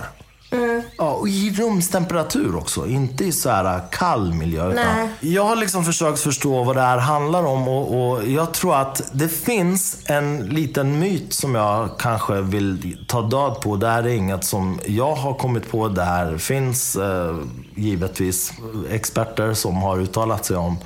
Det finns någon idé om att man kan lufta bort strävhet i vin. Och det kan man inte. Strävhet försvinner inte för att man luftar. Det som kommer hända, det är att aromerna kommer ju komma fram och det kommer göra att upplevelsen av tanninerna i vinet kommer att förändras och man, man tror att det är mindre strävt. Men det är inte mindre strävt, utan det som har hänt är att i och med att vinet oxiderar så har fler aromer kommit och då är smakupplevelsen annorlunda och man kanske får ut fler aromer och upplever tanninerna mindre. Det är det som kommer hända. Men man kan inte lufta bort strävhet. Så att till alla er där ute som har skrivit till mig och, och, och, eh, frågat hur länge luftar du vin för att få bort strävheten eller för att få bort, tanninerna? Jag har ju fått de här frågorna. Det går inte. Det, Men tanniner kommer ju sitta de ja, de sitter ju där. Det är som att du kan inte, du kan inte lufta bort till exempel alkoholhalt. Det går inte. Nej, tyvärr. Du kan koka bort den om, Ja, jag kokar bort om du vill. Om det är det som är syftet. Men eh, ja, Ja. känns ju onödigt. Nej, men så att överlufta inte. Och, och någonstans med äldre viner så är det så här. Det här är en smaksak också. Jag gillar ju när det är funky. Alltså, jag gillar ju funk. Alltså. Men varför dricker du inte bara roligt naturvin då? Ja, jag, jag dricker ju mycket sånt. Ja. Men jag gillar ju stallighet och liksom allt det här som är... Och ju, ju mer desto bättre. Alltså, jag går igång på det där. Lite min akilleshäl. Liksom. Varför jag älskar Bordeaux och äldre Bordeaux. Men, men någonstans, ju mer man luftar, desto mer försvinner ju det där. Så att vill man ta bort det, visst lufta. Men det är också så här... Fruktigheten kommer påverkas. Äldre viner håller inte alltid jättemånga timmar. Så öppnar man en sån här 30-40-årig flaska och har luftat den i tre timmar. Risken är ju att den är rätt död liksom, när man börjar smaka. Ja. Och det här är ju lite så här note to myself, att överlufta inte. Alltså, jag har ju gjort det tyvärr då en del eh, i mina dagar. Jag har lärt mig, gör det inte bara. Och sen kommer det också med erfarenheten att man lär sig vilka viner som behöver lite mer luft och vilka som behöver mindre luft. Då. Det har inte bara med ålder att göra. Det kan ha med druva, det kan ha med vinstil och, och allt sånt att göra också. Men gör det kanske med lite, lite billigare flaskor eh, så för att, för att lära dig och för att känna efter vad, vad du själv tycker om och var din gräns går och vad, vad som händer innan du liksom luftar en 20-årig gammal svindyr. Folk frågar så här. Kan man lagra det här vinet? Ska jag lufta det här vinet? Varför? Varför vill Vad du vill göra du det? framnå? Vad vill du få ut av det? Varför ska du lagra det? Vad tror du kommer hända som du tror kommer vara så avsevärt mycket bättre än vad vinet är nu? Det är så här med lagring. Luftning. Va- varför? Varför vill du lufta det? Vad är det som inte är som, som inte funkar just nu. Så fråga er själva varför, ni som har skrivit in till mig och frågat det här. Vad vill ni uppnå? Då brukar ju svaret bli lite lättare. Vill man få fram fler aromer kan man absolut låta det stå en stund. Se om det kommer någonting. Vi gjorde ju precis det med... Ja, och det brukar ju funka bättre än vad det gjorde i det här fallet. Ja, exakt. Nu, nu blev det inte så. Nu vet vi det. Liksom. Men eh, ja, generellt sett, följ mitt råd. Överlufta inte. Vin blir gärna rätt platt när det har luftats för länge. Liksom. Man förlorar väldigt mycket också. Eh, Jag lu- luftar inte vin i tio dagar. Det här låter ju helt idiotiskt. Förlåt. Nej, jag vill, nu vill jag inte vara... Som ett experiment, absolut. Ja. Men jag vet inte vad man gör med ett vin dag tio på en karaff. Inte jag liksom. heller. Inte jag förutom att hälla det i köttfärssåsen. Nej, inte jag heller. Alltså, det, jag, jag tycker det är jättekonstigt, men eh, jag vet att det Men gör det för att testa, absolut. Men ta inte det dyraste du har. Liksom. Men absolut, experimentera, smaka, lär dig. Tyck och känn efter vad du gillar. Gillar du det så kör. Temperatur är ju en annan faktor som också är väldigt viktig. Liksom. Det, det kan ju vara så här att Alltså temperatur är ju betydligt viktigare skulle jag säga egentligen. Alltså om man nu tänker på vad det är man får sen Men i munnen. kombination, temperatur och luft också. Ja, absolut. Men, men jag, jag bara tänker så här. Temperatur är ju så viktigt för hur till exempel alkoholen känns, för hur sötman känns. Alltså ju varmare desto sötare brukar det ju oftast bli och alkoholen blir ju mycket mer stingslig ju varmare det Och blir. fräschören kommer fram om du sänker den. Och... Exakt. Det finns ju väldigt få viner som skulle bli katastrof av att man luftar en kvart, 20 minuter. Det, de flesta viner håller ju för det om de inte är riktigt gamla. Men experimentera gärna mer med temperaturen. Det tycker jag personligen är mycket mer spännande. Liksom. Mm. Men överlag var inte rädd att testa vad som helst. Testa. Testa dig fram till vad du gillar. Ja. Så, det är det viktigaste. Eftersom det är du som ska dricka det så det du gillar det är rätt för dig. Och bara testa. 100 procent. Det finns inte rätt eller fel när det gäller dina egna smaklökar. Om du gillar någonting så gillar du det. Det är ju det enda som betyder något. Det spelar ingen roll vad jag eller någon expert Ingenting eller... annat är viktigt. Det Ingenting är du viktigt. som ska dricka det. Ja. Du, Sara. Ja. Vi har ju babblat på rätt länge här nu. Igen. Igen, men Det här är, det, det är after work med, med Sara och Rörsut liksom. Eh, Så det här ska vara babbligt. Ja, jag tror det blev det också. Men det är ju det som är underbart. Det, det är ju en podd där för guds Ja. skull. Vad, vad, skulle, vad skulle vi vinna på att sitta här och vara tysta här? Ingenting. Det skulle bli väldigt eh, jobbigt att lyssna på tystnad. Väldigt tråkigt. Ja. Så eh, jag älskar ju det och vi har ju ändå haft väldigt många intressanta samtal om väldigt många intressanta ämnen. Ja. Men eh, du, jag tackar dig verkligen för att du eh, återigen tar dig tid och jag får låna några timmar av din tid. Tack själv. Det, det är jättekul. Du är alltid varmt välkommen tillbaka och jag tycker det är jätteviktigt att få din sida av saker och ting. För, Men vi har lite olika ut, utfallsvinklar. Ja, och det, det är så värdefullt. Jag är verkligen av den här åsikten. Det finns inga enkla svar. Nej. Sanningen brukar oftast ligga i en kompromiss som är väl genomtänkt och Mm. väl avvägd. Liksom. Och då behövs det ju att man har lite olika infallsvinklar och perspektiv på saker och. Mm. Ja. Så jag är jättetacksam för att du tar dig tid och är här och inte bara delar på eh, skön sellerisoppa med mig utan, utan, utan faktiskt också ger både mig och lyssnarna ett, eh, ett annat perspektiv liksom på saker och ting som är väl- väldigt värdefullt. Så eh, jag hoppas vi kan göra det igen snart. Absolut. Ja. Tusen tack för att du kom. Tack för att jag fick komma. Nu får du ha en riktigt trevlig helg och hem och sörpla ännu mer Riesling. Ja, det gör jag alltid. Det gör du alltid. Nej. Oftast. Oftast.